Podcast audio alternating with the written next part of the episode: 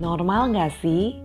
Ini pertanyaan yang paling banyak saya temui selama 20 tahun lebih saya berpraktek sebagai seorang psikolog klinis.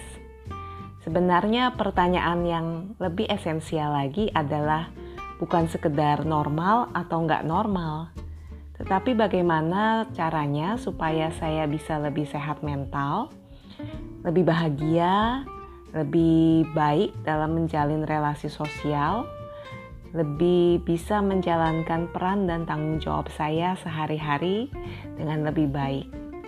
Saya Ike Sugianto, seorang psikolog klinis, akan berbagi tips-tips psikologi secara sederhana dan saya berharap teman-teman semua bisa tetap tersenyum dan tetap semangat dengan mendengarkan podcast ini.